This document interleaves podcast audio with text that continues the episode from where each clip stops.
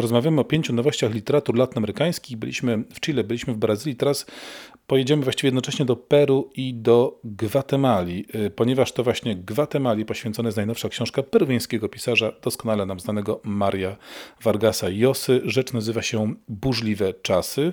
Ja muszę powiedzieć, że jestem dość krytyczny w stosunku do mm, tych ostatnich kilku y, książek mm, Vargasa Josy. Te jego powieści y, wydane w XXI wieku nie do końca, przyznaję, mnie porywały, a wręcz czasami mnie kompletnie nie, nie przekonywały. Natomiast tu mam poczucie, że w burzliwych czasach Vargas Llosa wraca do dobrej formy. Dobra, to, to nie jest dzieło porównywalne artystycznie z tymi, które pisywał w latach 60. i 70., ale jest to naprawdę kawał dobrej opowieści. Rzecz dzieje się w Gwatemali, w czasach tzw. Tak rewolucji gwatemalskiej, nie chcę wchodzić w szczegóły, te szczegóły są podane w tej właśnie powieści, czyli mamy polityczny, historyczny kontekst, opowieść, która pokazuje nam Nieznany epizod w Gwatemali, można by oczywiście powiedzieć, co mnie tam Gwatemala i jej nieznane epizody.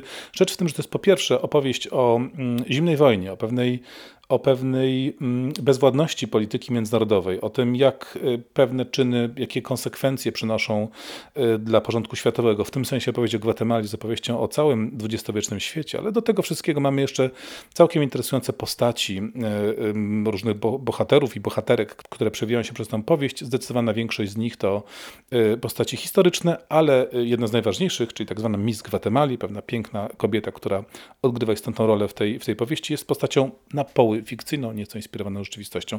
Vargas Llosa znowu w formie, warto po niego sięgnąć. Samantha Felbin to już znana w Polsce autorka właśnie powraca ze swoją drugą książką, która nazywa się Bezpieczna Odległość i jest to książka bardzo niebezpieczna, bo książka, która e, straszy, przestrasza i to na wielu poziomach, bo na takim mikroosobistym poziomie, ale też na poziomie e, e, makro, ocierając się o przyszłe katastrofy ekologiczne i nie tylko. Jest to rzecz fenomenalna z wielu powodów, chyba przede wszystkim dlatego, że przestrasza w zupełnie inny sposób niż ten, do którego jesteśmy przyzwyczajeni.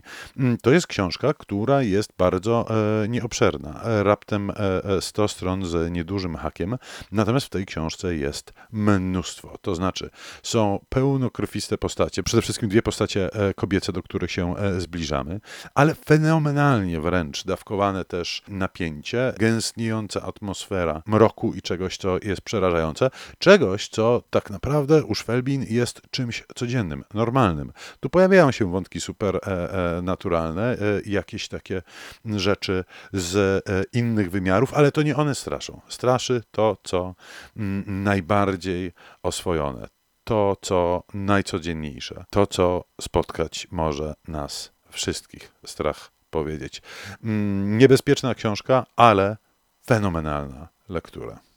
A na koniec jeszcze jedna rzecz z Brazylii. Eliane Brum to brazylijska reporterka, dziennikarka, bardzo w Brazylii, w świecie e, portugalskojęzycznym znana. E, u nas e, debiutuje książką pod tytułem Kolekcjoner porzuconych dusz, reportaże z Brazylii. To jest tom zawierający kilkanaście dłuższych i czasami bardzo króciutkich reportaży. I muszę powiedzieć, że to jest dość niezwykła rzecz, bo Eliane Brum prezentuje taki typ dziennikarstwa bardzo nastawionego na człowieka, na e, taką wrażliwość ludzką, społeczną, ale właśnie głównie ludzką.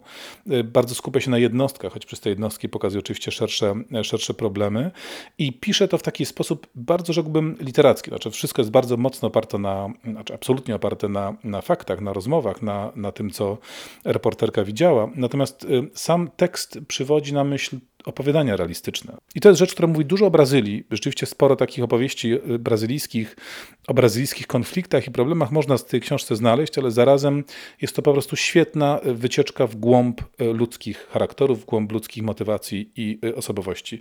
No ale że muzyka brazylijska już wybrzmiała w poprzedniej przerwie, to teraz posłuchajmy w nawiązaniu do Samanty Szweblin i jej powieści czegoś bardziej argentyńskiego. Juan de Dios Filberto i jego Quejas de Bandoneon czyli skargi bandoneonu.